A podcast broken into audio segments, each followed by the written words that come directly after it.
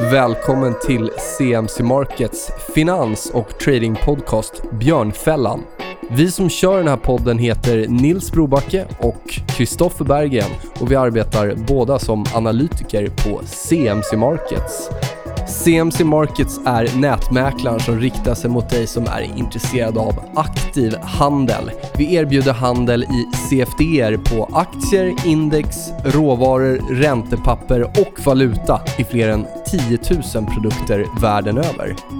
All handel sker via vår kostnadsfria och prisbelönta handelsplattform. Vi finns nu i 17 länder och är börsnoterade på London Stock Exchange.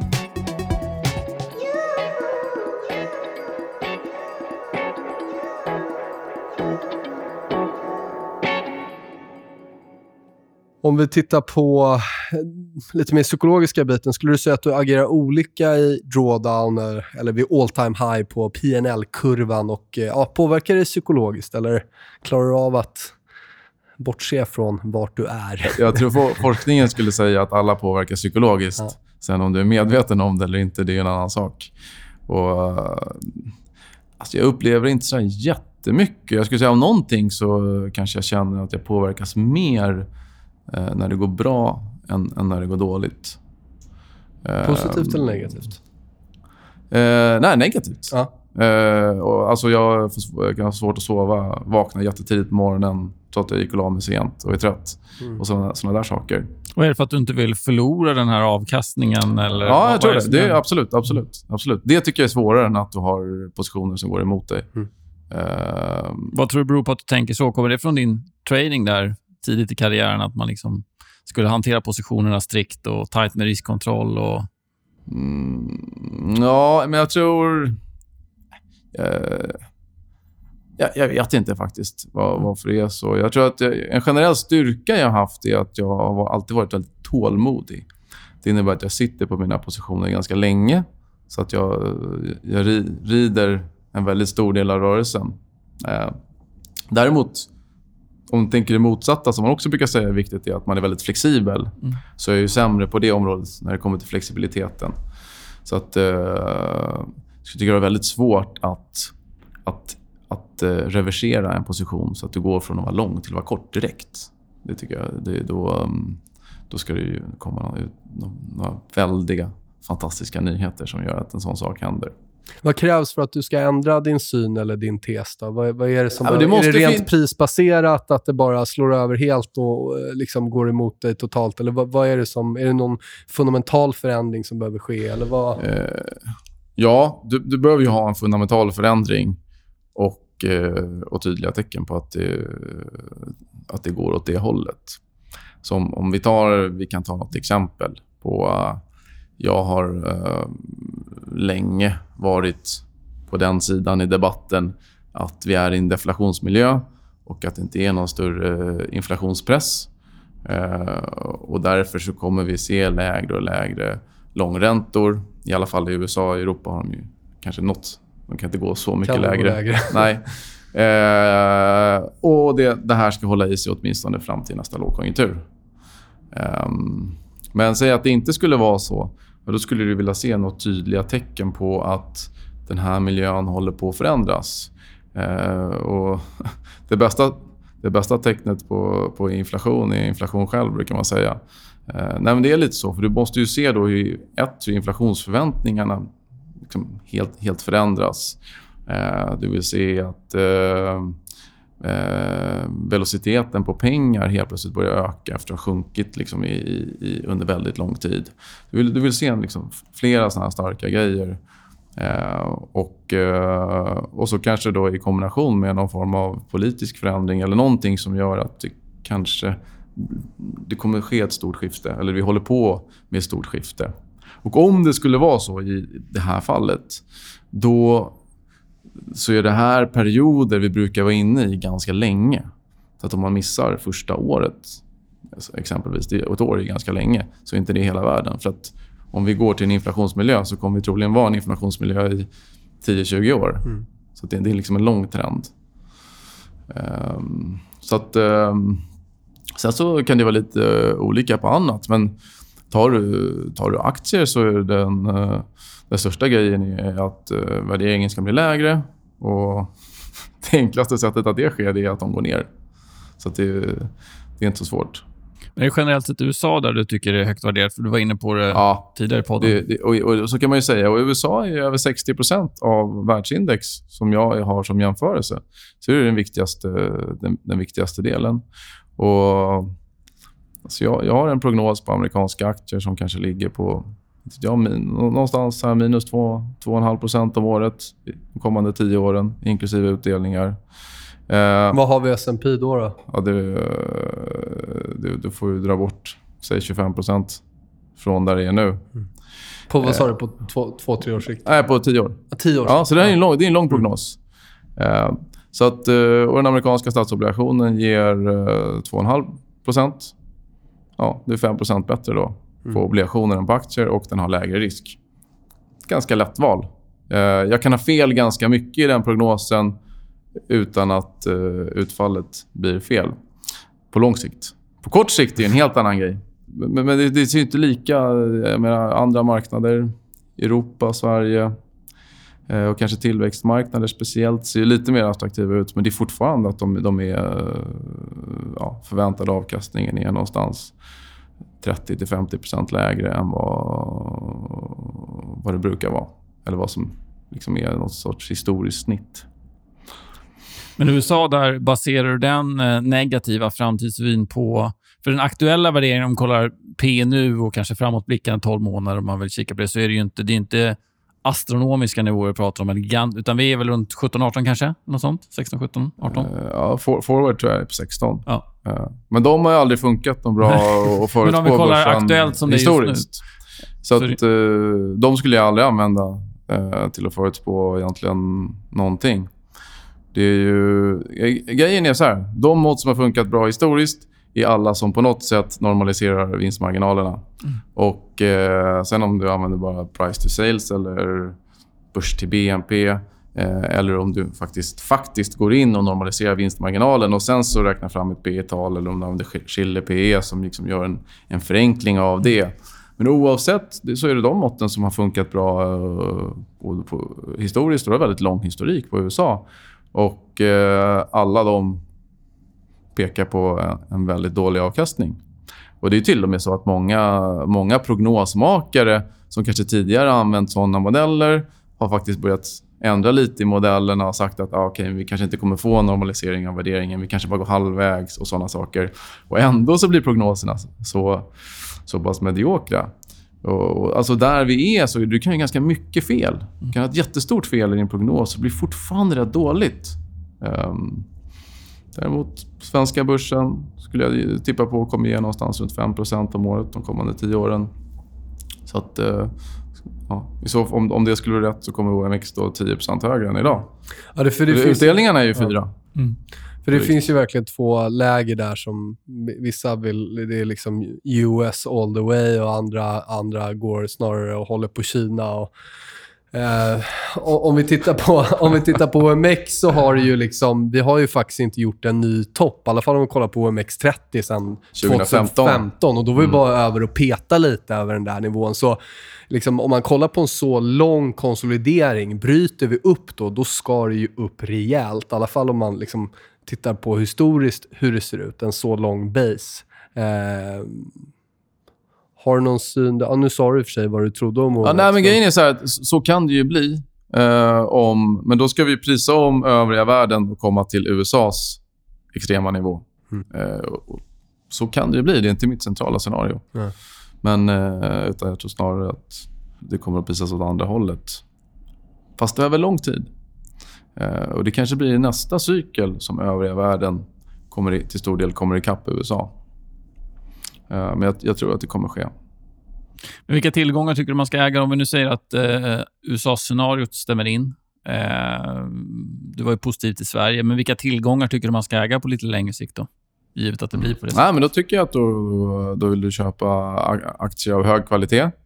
Och hög kvalitet i, i bolag som är stabila och, och robusta. Inte att de liksom tillverkar en, en produkt som har hög kvalitet. Eh, och Sen så tror jag att du vill ha, du vill ha duration, du vill ha långa amerikanska statsobligationer. Eh, tror jag kommer vara bra. Jag tror att du vill ha guld. Eh, både för att det ser attraktivt ut på kort sikt och för att du har ett väldigt bra inflationsskydd eh, på längre sikt. Eh, och så vill man ha lite cash. Om man tänker bara rent superenkelt. Men, men du, vill ha någon, du, vill ju ha, du vill ju ändå ha någon form av aktier. För du vet trots allt inte. Om man ska jämföra en mix eller multi-asset-fond som, som du har med en vanlig aktiefond så är väl edgen egentligen att man har en väldigt bra defensiv. Du tappar inte lika mycket när börsen går ner som du gör om du är long only såklart. För att du har massvis med olika typer av tillgångslag.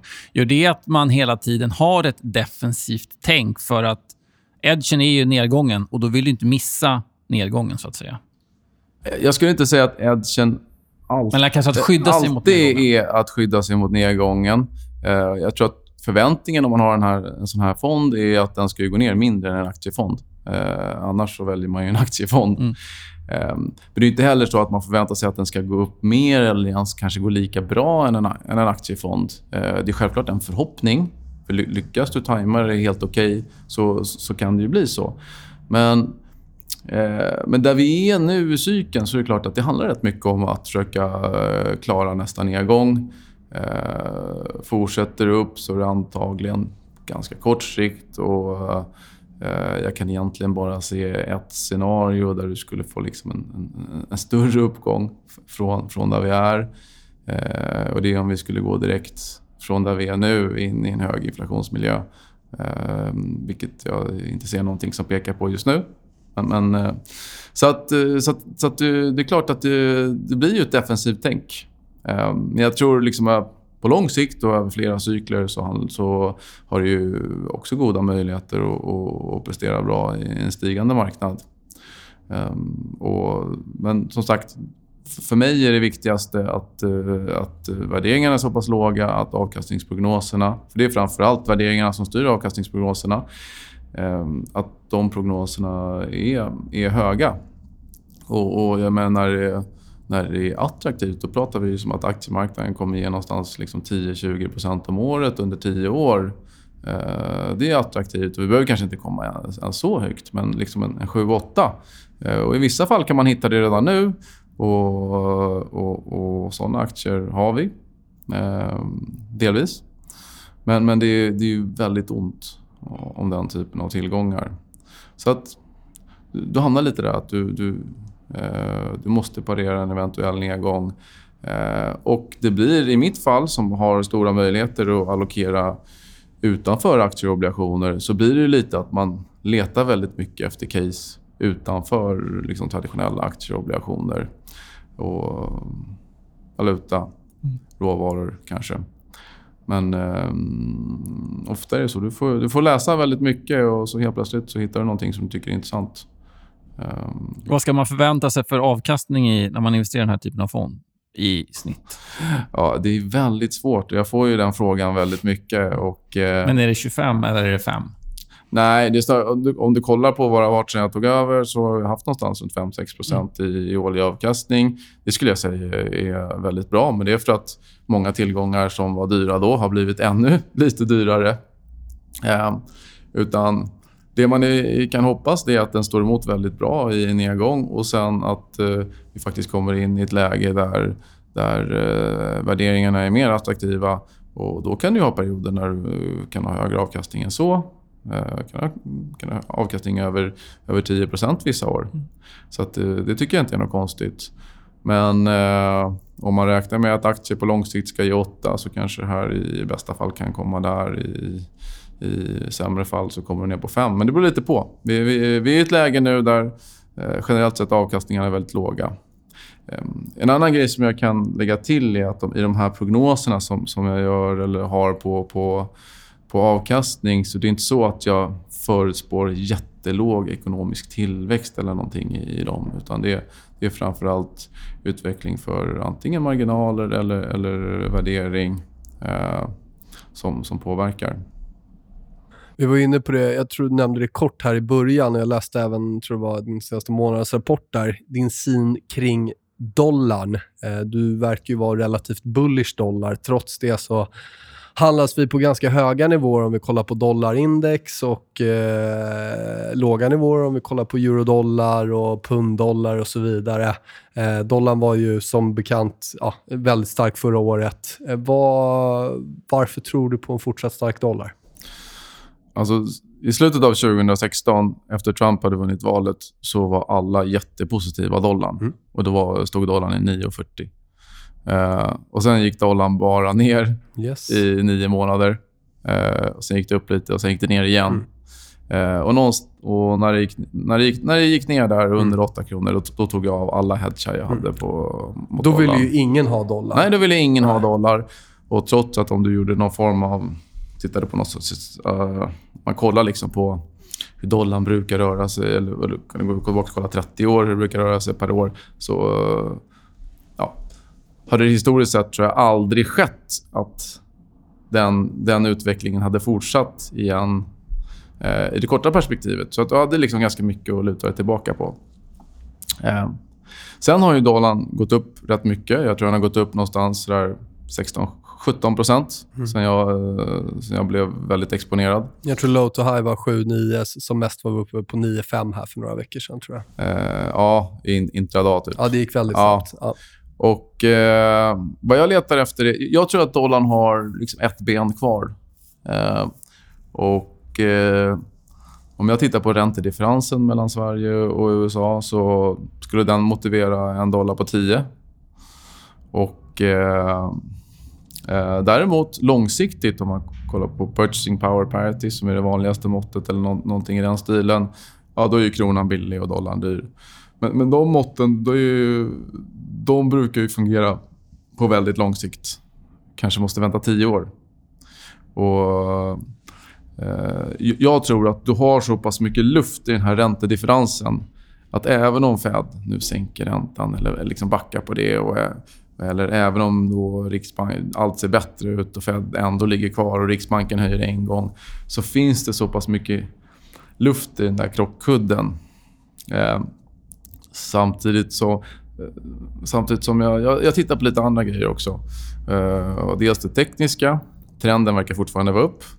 Eh, positionering.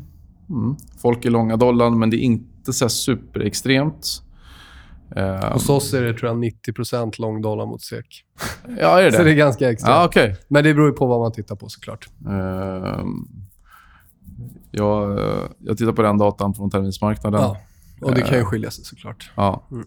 Och, så att, nej, men det, folk är långa, men när, jag, när jag kollar igenom alla outlooks från, från sell-side, alltså från alla storbanker eh, i slutet av förra året och början på året, såg jag ingen som var positiv till dollarn. Nej.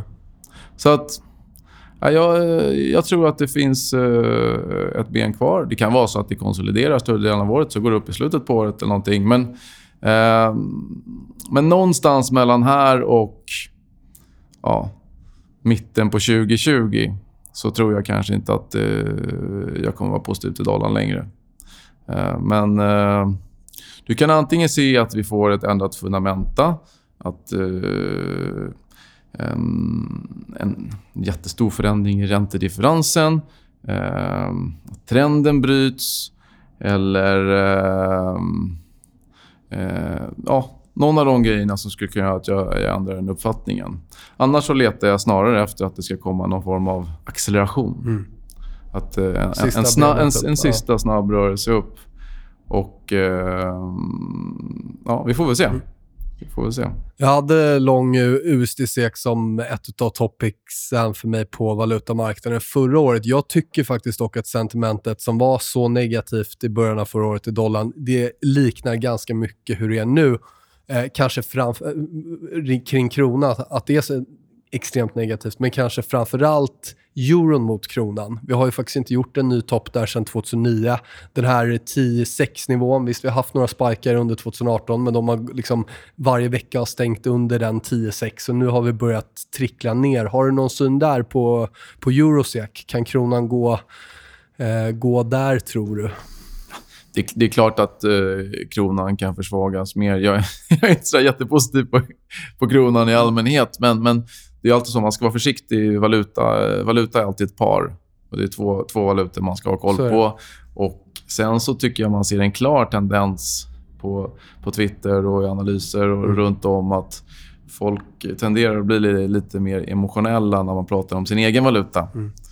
Eh, men med det sagt så tror jag att eh, jag, är inte, jag är inte positiv till euron. Eh, och jag är inte positiv till euro-SEK egentligen. Jag har ingen jättestor exponering där. Jag tror att den ligger på så här 10-11 procent. Vilket är eh, lågt. Mo- Mot dollarn har jag legat mellan 38 och 45 den sista tiden. Nu ligger jag är faktiskt lägre, eh, lägre i det där spannet. Eh, så att eh, det blir liksom inget dramatiskt eh, om, om, om kronan stärks där. Men det blir, blir det en risk-off-miljö så, så tror jag att kronan kommer att försvagas. Du nämnde det där med sentiment tidigare, där du skalade gick ur all din dollarhedge för att sentimentet var så extremt. Är det, använder du sentiment för att liksom tajma positionen eller var det bara tillfället att det blev just så? Ja, det, det var bara halva sanningen faktiskt. Men, men eh, eh, jag tyckte att det, sentimentet gick från att vara extre, extremt åt det positiva hållet till extremt negativt. Eh, och helt plötsligt de här som hade skrikit att den skulle gå upp till 10 när den var uppe där 20, i slutet av 2016 tyckte att eh, vi skulle liksom gå ner till 7. så att, eh, men sen var det också så att jag hade en, en vy på ECB och en vy på Federal Reserve. Och Federal Reserve var mer hökaktiga än vad jag trodde. Man tänker, under hela den här perioden så, så gick de mer... Alltså jag hade mer fel där. Så att de blev mer och mer hökaktiga. Och, och, eh, och i Europa så, så, så, så gick det egentligen ingenstans.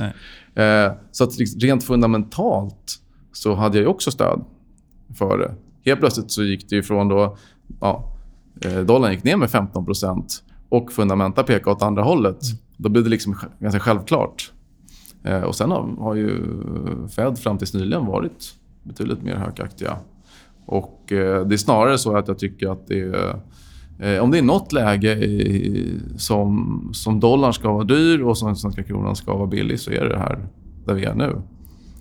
Och vi pratar om då USAs tioåring. Vi hade ju i september, oktober när börsen toppade ur så toppade ju även räntan ur. Vi var ju en bit över tre då och då var ju ändå konsensus att det, det är liksom upp och inte ner. Och nu är vi under ja, i alla fall 2,5 igen. Och där, det är liksom, historiskt sett, 99, 2007, då var det här väldigt bra indikationer på en väldigt dålig marknad efter det.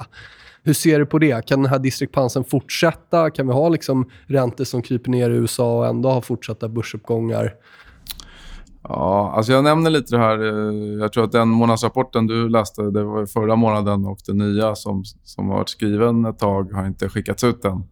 Men, eh, och då, då skriver jag skriver en del om avkastningskurvan och sådär. Jag är inte, det är inte så att jag använder den egentligen som ett instrument för att tajma konjunkturen på något sätt. Och jag, tror definitivt, jag tror inte att den, den orsakar en lågkonjunktur. Eh, däremot är det en indikation från marknaden att de tycker att att eh, det ser sämre ut framöver jämfört med nu och att kanske penningpolitiken är för stram. Eh, och det tycker jag att man ska ha respekt för. Och de studier som finns... Och nu är det så att vi har ju ett begränsat antal lågkonjunkturer att titta på. Eh, men de studier som finns, så de säger att okay, du ska kolla på en väldigt kort ränta, tre månaders eller, eller Fed Funds, och en längre. Sen om det är fem, sju eller tio, det, liksom, det är inte så, kanske så viktigt. Men den ska, den ska vara klart längre. Eh, och Sen så handlar det om när den väl inverteras, ligger den kvar där? Är den inverterad under liksom flera månader eller något sånt där? Ja, då ökar sannolikheten lite kanske för att det kommer funka. Och två, hur inverteras den? Och Det var lite det som du var inne på. Att inverteras den för att korträntorna går upp då skulle jag säga lite mindre oroväckande. Eller inverteras den för att långräntorna går ner, som i fallet nu. Ja, då har du... Eh, och då har du också kanske också historiskt sett haft en indikation, om, om det händer, att den här lågkonjunkturen som alla säger är ett till två år bort baserat på historisk data, att den kanske då kommer tidigare än vad bara avkastningskurvan i sig skulle indikera. Så att... Eh, men jag vet inte. Jag tror att jag är rätt positiv i långräntorna och jag tror att vi kommer se lägre nivåer under året. Jag vågar till och med säga kanske att jag tror i närtid att vi kommer att gå ner lite till innan du kanske får en konsolidering. Men... Eh, Eh, och det, det hänger ihop med hur, hur eh, börserna utvecklas i närtid också. Och, och Trump twittrar om och vad säger om Powell? ja, alltså där, det, det, där är ju väldigt svårt att, att, att, att förstå sig på. Men det är... Jag, jag tror, på något sätt, så, om han nu vill ha en lösare penningpolitik, och han, han kanske inte har fel, så, så, så tror jag snarare att han kanske förvärrar det för sig själv genom att hålla på och twittra och försöka påverka. För nu, då ser det verkligen ut som att Fed gör som presidenten säger. Och det vill de ju inte.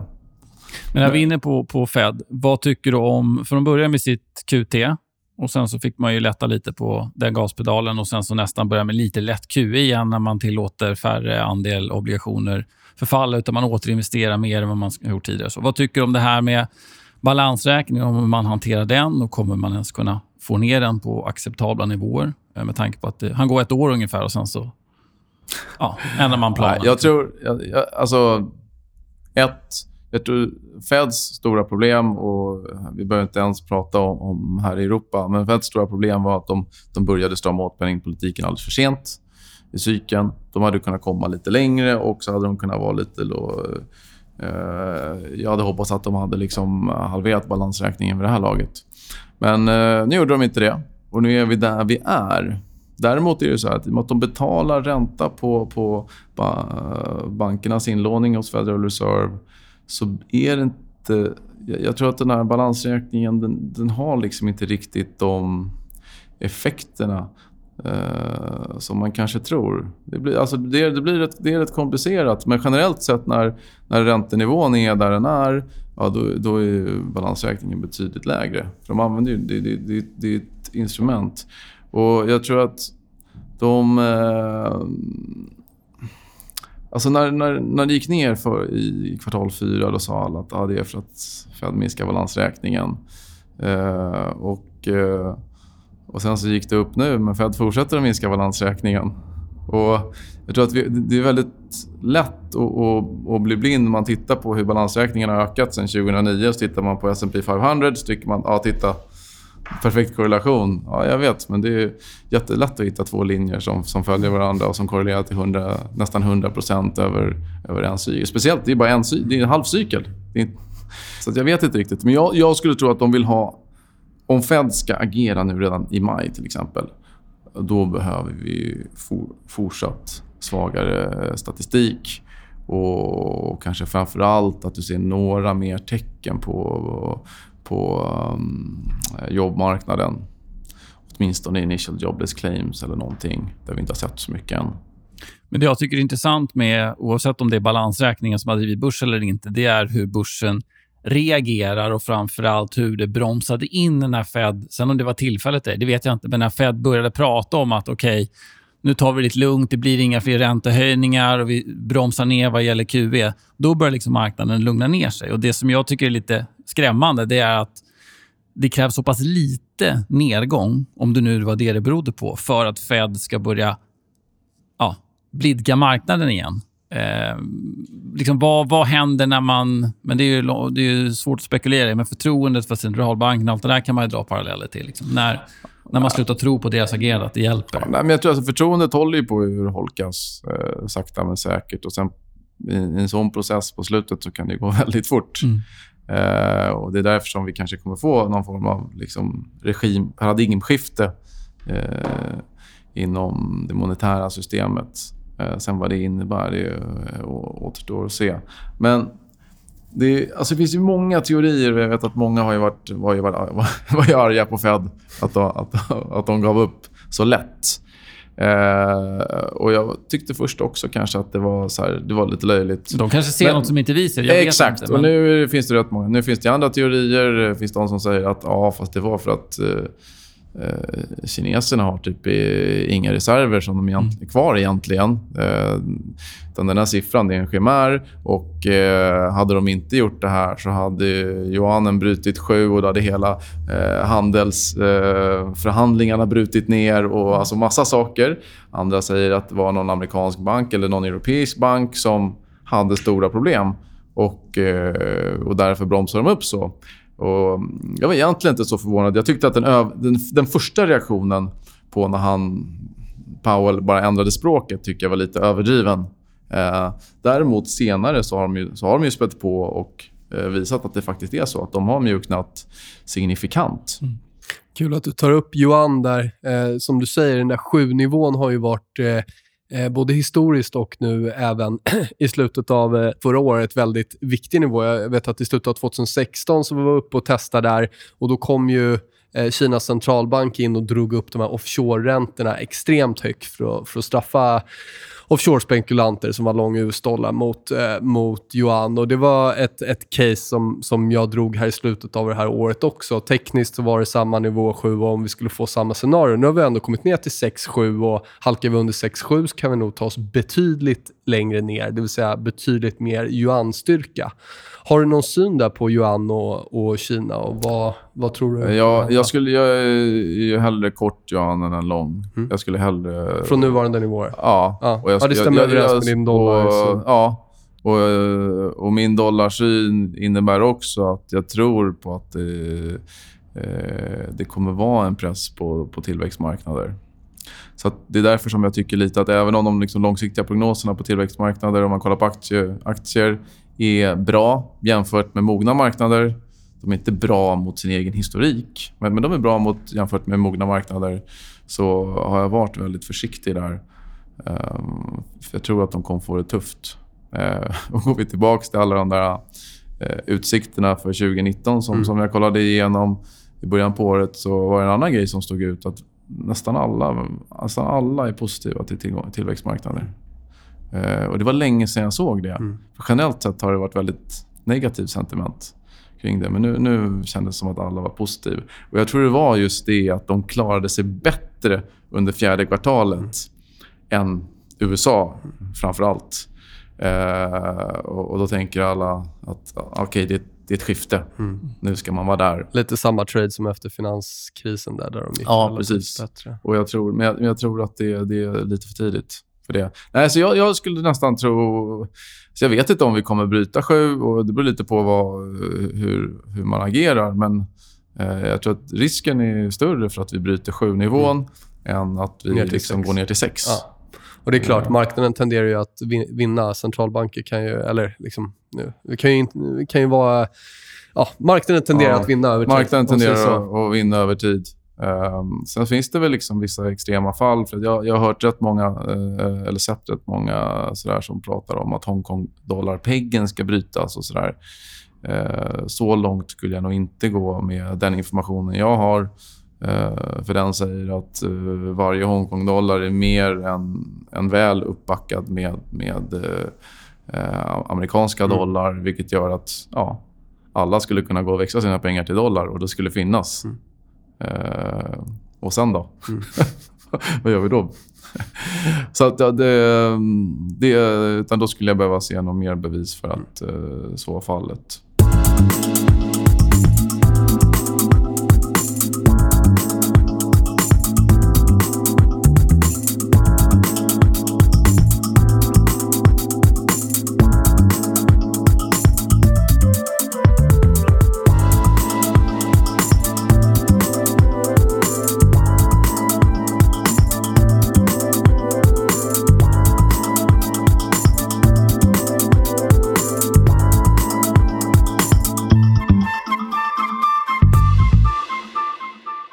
Oljan har vi inte alls pratat om ännu och det är väl en, eh, tycker jag i alla fall, en viktig tillgång att kolla på. Eh, dels för att definiera risk on, risk off och bara allmänt ha, ha en vy om. Nu är vi uppe över 70 US-dollar på crude Brent. Eh, vad tror du? Eh, vad är det som har gjort att vi har kommit tillbaka från eh, lowen här i slutet av eh, december på 50 dollar och ska vi fortsätta upp mot 85-90 eller är det, är det börjar bli toppish härifrån? Mm. Alltså, olja, är faktiskt en grej där jag inte har någon speciellt stark eh, åsikt.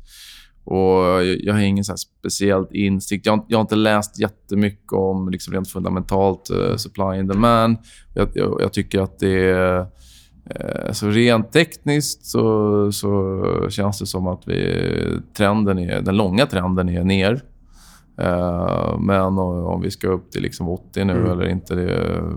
Nej. Och ingen Ja. viktig egentligen parameter i Nej, och jag har ingen Nej. position som liksom direkt eh, påverkas mer än att eh, högre oljepris drar upp inflationsförväntningarna som kan dra ner långa obligationer.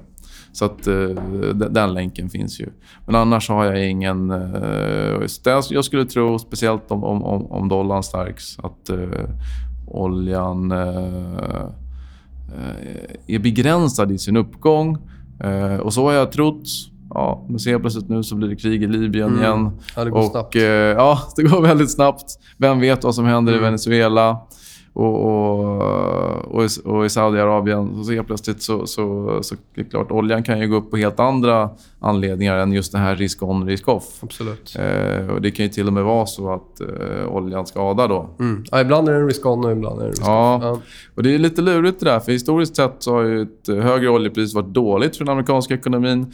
Nu med, med shale-sektorn eh, så, så kanske snarare lite tvärtom. Eller neutralt. Jag vet inte. Jag, men jag har ingen så här jättestark åsikt vart den, vart den är på väg. Lämnar skulle- vi det därhän. Precis. Vi pratade här om tillväxtmarknaderna kort. Tror att det finns... För det pratas ju lite om att det har blivit lite brist på dollar i de finansiella systemen på grund av bland annat Fed och så vidare.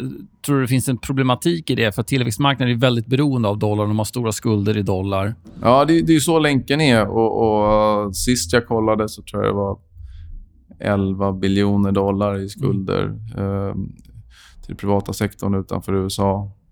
Det, det är ganska betydande. Samtidigt har ju alla de här swaplinorna och allting som Fed hade med massa centralbanker innan är inte riktigt där. Du har en administration i USA som inte är jättepigg på att samarbeta med andra länder. Speciellt om de inte får någonting i utbyte. Så att det, jag, jag tror att det, eh, går dollarn upp så, så sätter det en press. Och då många, men, men skillnaden mot tidigare ehm, turbulens i tillväxtmarknader är ju att den här gången är det inte staterna, förutom några enskilda, liksom, Turkiet, Turkiet och sådär, eh, som har lånen, utan det är snarare den privata sektorn. Så att jag tror att det kan sätta en väldig press på, på obligationsmarknaden i, i, eh, i många emerging markets. Och då har du länken till aktiemarknaden och, och ekonomin och rätt, tuff, rätt tufft klimat. Som sagt, det är, det, det, det är en ganska stor risk. Men eh, vi får se. Mm. Kryptos, är det något du tittar på? Har ju efter en eh, extremt eh, tuff period faktiskt bitcoin börjat röra sig uppåt här nu från 3000 low tror jag upp mot över 5000. Ja, nej, alltså för mig är ju krypto det som tulpanlökarna. Ja. Det, Det ja. kommer inte komma ut något bra av eh, kryptos eller blockchain. Och... Nej, alltså, blockchain var väldigt många som sa. och Jag läste till och med en del grejer och jag lyssnade på folk som jag har stor respekt för Mm. som sa att blockchain kommer kunna användas till så många saker. Mm. Eh, bland annat fastighetsregister Mm. och såna grejer. Det, det lät väldigt bra och sådär. Men eh, nu när vi sitter här ganska många år senare Mm. så är det fortfarande... Eh, det finns väldigt alltså, konkreta exempel Mm. på, på, på saker där det faktiskt används. Mm. Det kanske är att det tar längre tid Mm. så, att, så att det kommer. Men jag, jag, jag har också en kompis från eh, mitt nätverk inom CFA som är, har varit vd och eh, nu är vd igen tror jag på, på, på en bank. Och eh, Han har kollat jättemycket på för att folk hade sagt Mm. att han måste använda det här. Ja. Banken måste ju använda Ja, det blockchain. Ja. Det är klart. Den nya tekniken. Ja, ja, den nya tekniken. Och han har lagt väldigt mycket tid på det och han har fortfarande hittat hur de ska göra det på, på, på något, något bra sätt som är bättre än idag. Så att... ehm, men, men det är ju en annan sak än liksom själva kryptovalutorna som, som är, är eh, bara någon, någon jättekonstig grej som, Sen, sen är det ändå... jag, jag inte förstår varför de ska ha något värde. Du, du har ju ändå ganska tunga förvaltare som har gått in i kryptospacet som gått från ändå liksom stora fonder och stora... Ingen är perfekt. Nej, så är det. Så de, Nej, men alla, alla gör misstag och, och, och det kanske är liksom hur, hur stor andel av sitt kapital har de gått in i det. Eh, eh, den enda jag känner till är han Mark Jusko som Mm. är aktiv på Twitter. Han, har- och han, är, han är vettig i annat fall. Så, att, eh, så jag vet inte. Mm. Jag är lite förvirrad Ja. att, att eh, han verkar vara så positiv till krypto. Men eh, annars har jag väldigt svårt att, att, att förstå argumenten till varför, att, varför det skulle vara så bra. Varför skulle, varför skulle det ha något värde? Du kan ju tycka mycket som helst. och bara skapa nya valutor hela tiden. Och det är det som har gjorts.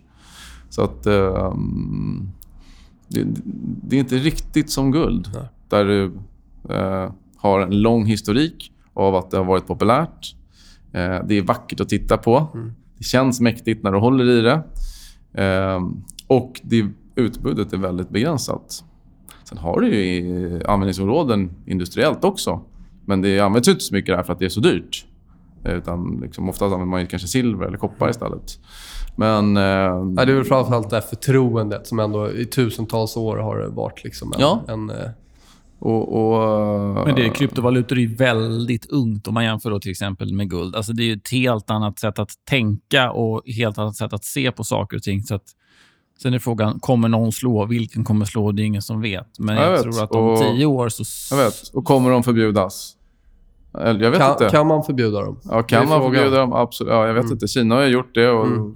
då hade det en liten tuff period. Mm. Jag, jag har ingen aning. Jag, jag, men jag, jag har svårt att se att det skulle ha något värde. Har du några... Jag är en dinosaurie. Ja. Har du några förebilder inom den här typen av förvaltning där man liksom allokerar mellan olika tillgångstyper snarare än att bara gå lång verkstadsbolag? Ja, absolut. Jag har ganska många förebilder, men om du tänker dig... ehm, så av, av, av de absolut kändaste så är George Soros, Stanley Druckenmiller två rätt tunga förebilder.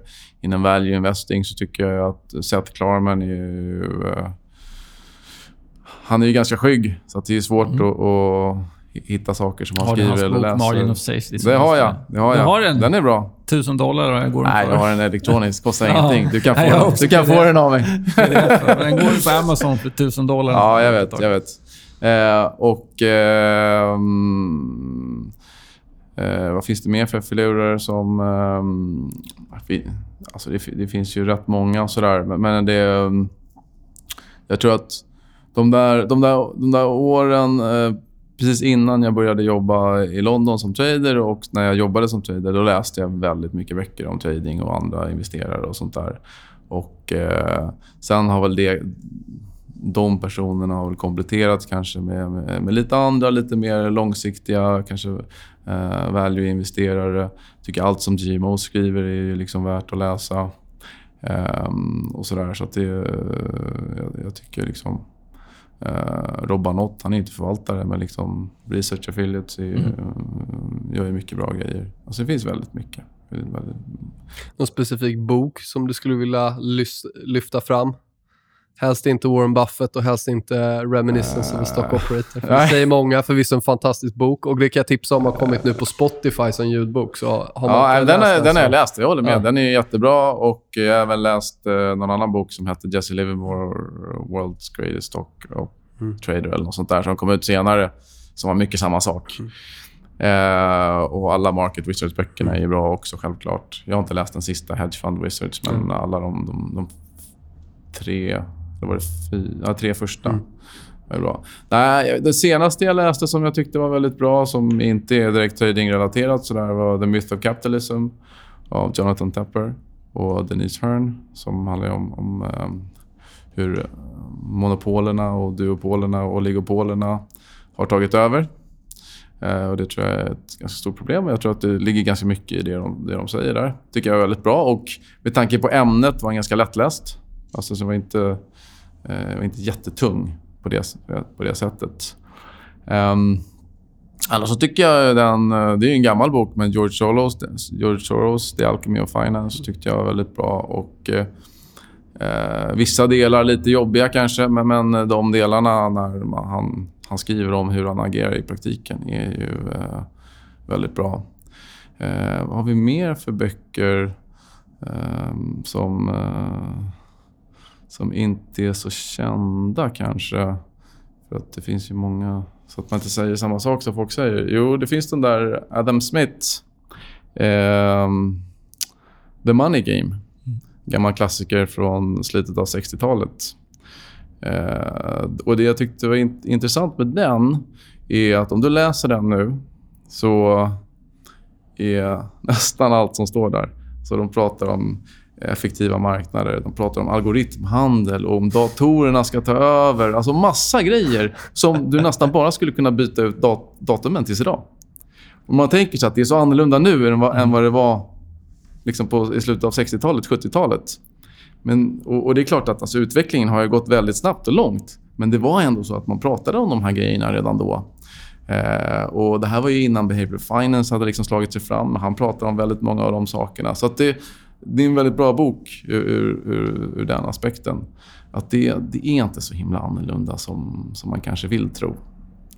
Um, ja, jag får fundera lite. Mm. Uh, ja, det på några andra. Generellt, det går lite i perioder. Ibland läser jag ganska mycket böcker och, och ibland läser jag lite mindre. Tyvärr har jag de sista två åren så där haft en... Um, faktiskt första gången i mitt liv uh, inte avslutat böcker. Och Det var till och med varit böcker som alla säger är jättebra, som Super Forecasters mm. av, av Philip Tetlock. Uh, jag läste två tredjedelar och sen så tröttnade jag lite. Mm. Ja, Men de, sådana där kan man ju plocka upp sen. Det är, för det är Absolut. ju. Alltså det, det, är inte unikt just för...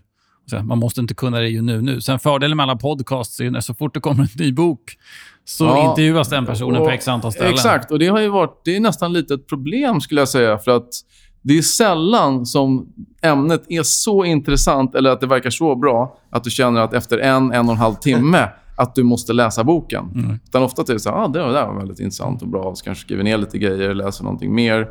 Men du går inte och köper boken. Eh, utan då ska det ju verkligen vara, eh, vara någonting extraordinärt. Så att... Eh, men det, som sagt, det går lite i perioder. Jag läser ju rätt mycket i, i jobbet. Läser mm. rätt mycket research. Säkert så en tre, fyra timmar om dagen. Så att det, det är nästan så att om jag ska läsa bok så måste jag byta ut någonting av det. Och Det kan man göra ibland. För att ibland så... Du, du måste inte läsa allting som händer. Det, man tror det. Men ibland kan det gå bra att bara lämna det en vecka och läsa en bok istället. Eh, och livet går vidare. Portföljen funkar som den ska. Ja. Man tror att man måste logga in på Twitter 25 gånger ja. per dag. Ja, men Twitter är ju kul. Det är det enda mm. sociala mediet som jag tycker är liksom användbart på något sätt. Finns du på Twitter? Ja, absolut. absolut. Jag är inte speciellt stor. Jag har funnits där ett tag. Eh, och, ja, och jag så länge du skriver vettiga saker. Ja, jag, jag twittrar jag, bara på engelska. Ja. Eh, jag har en hel del eh, utländska vänner och, folk så som följer. Så att, eh, och det, det är enda sättet om, om du på något sätt på lång sikt ska kunna få liksom, många följare så måste det ju vara på engelska. Mm. Så att, eh, men jag twittrar ba, bara egentligen om marknaden eller politik eller sånt där. Makro. Eh, så att det, då får man still och följa dig. Vad heter du där då? Jag heter... Ja, sök på mitt namn. Ja. Peder Dyrje. Jag tror att det är att Dyrje Peder. Alltså de vänder på det. Mm. Vi kan ta tagga in ja. dig i den här släppet också. Så det, det, är inget... Eh, men jag, jag försöker att twittra lite varje dag. Mm. Och sådär. Men jag tycker att det för, för information så är det ju väldigt bra. Inte för att göra någon djup analys såklart. Men du hittar ju väldigt mycket bra information och länkar till bra grejer. Och ibland är det så att marknaden rör sig.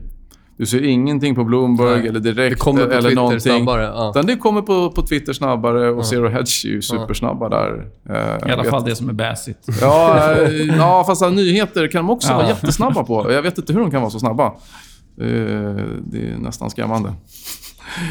Uh, nej, så det, är, det är en väldigt bra källa om man, mm. om man jobbar inom branschen. Ja. Vilket avsnitt va, Kristoffer? Fullsmetat. Ja, fullsmetat. Uh, vi vill tacka dig Peder. Stort tack för att du kom hit. Ja, tack. Det var kul. Uh, frågor, funderingar, tveka inte höra av er till oss. Uh, går ju säkert att höra av sig till Peder också om det är någonting man undrar kring det här avsnittet. kommer bli bombad med frågor på Twitter. ja. ja, det är kul. Det är inte så många som bryr sig vad jag skriver på Twitter. jag tycker det är kul i alla fall. Ja. ja. men det är bra. Då säger vi så. Tack, tack för den här gången. Tack. Och där var del två av intervjun med Peder Dyrje på aktieansvar Saxum Aktiv klar. Eh, ja, fullsmetat, riktigt mycket bra information. Eh, och vi får säkert möjlighet att träffa Peder eh, vid ett senare tillfälle och stämma av om vad han tror om marknaden och hur de här sakerna har spelat ut. Som ja, om man kanske om. blir lite mer positiv. Eller? Ja. Ja. Eh, men fonden finns ju där fonder finns, så att säga. Avanza, Nordnet och så vidare. Bara söka fram den om man tycker den låter intressant och läsa mer om det. Har ni frågor och funderingar till oss, tveka inte att höra av er. går utmärkt via Twitter eller släng ett mejl till oss eller slå oss en signal. Ja, feedback eller förslag på gäster eller ämnen eller liknande. Och som vi nämnde sist så har vi nu plockat bort innehavskostnaden på våra ETFer. Så det innebär att man kan handla ETFer eh, globalt, det vill säga även amerikanska ETFer. Eh, och eh, man växlar endast vinst eller förlustdelen, så även kostnadseffektivt när det gäller valutaväxlingen där. Kan vara bra att påpeka. Och det är CFD på ETFer. Stämmer bra. Ja, då säger vi så. Eh, avsnitt 71 klappat och klart och eh, vi ses och hörs igen helt enkelt.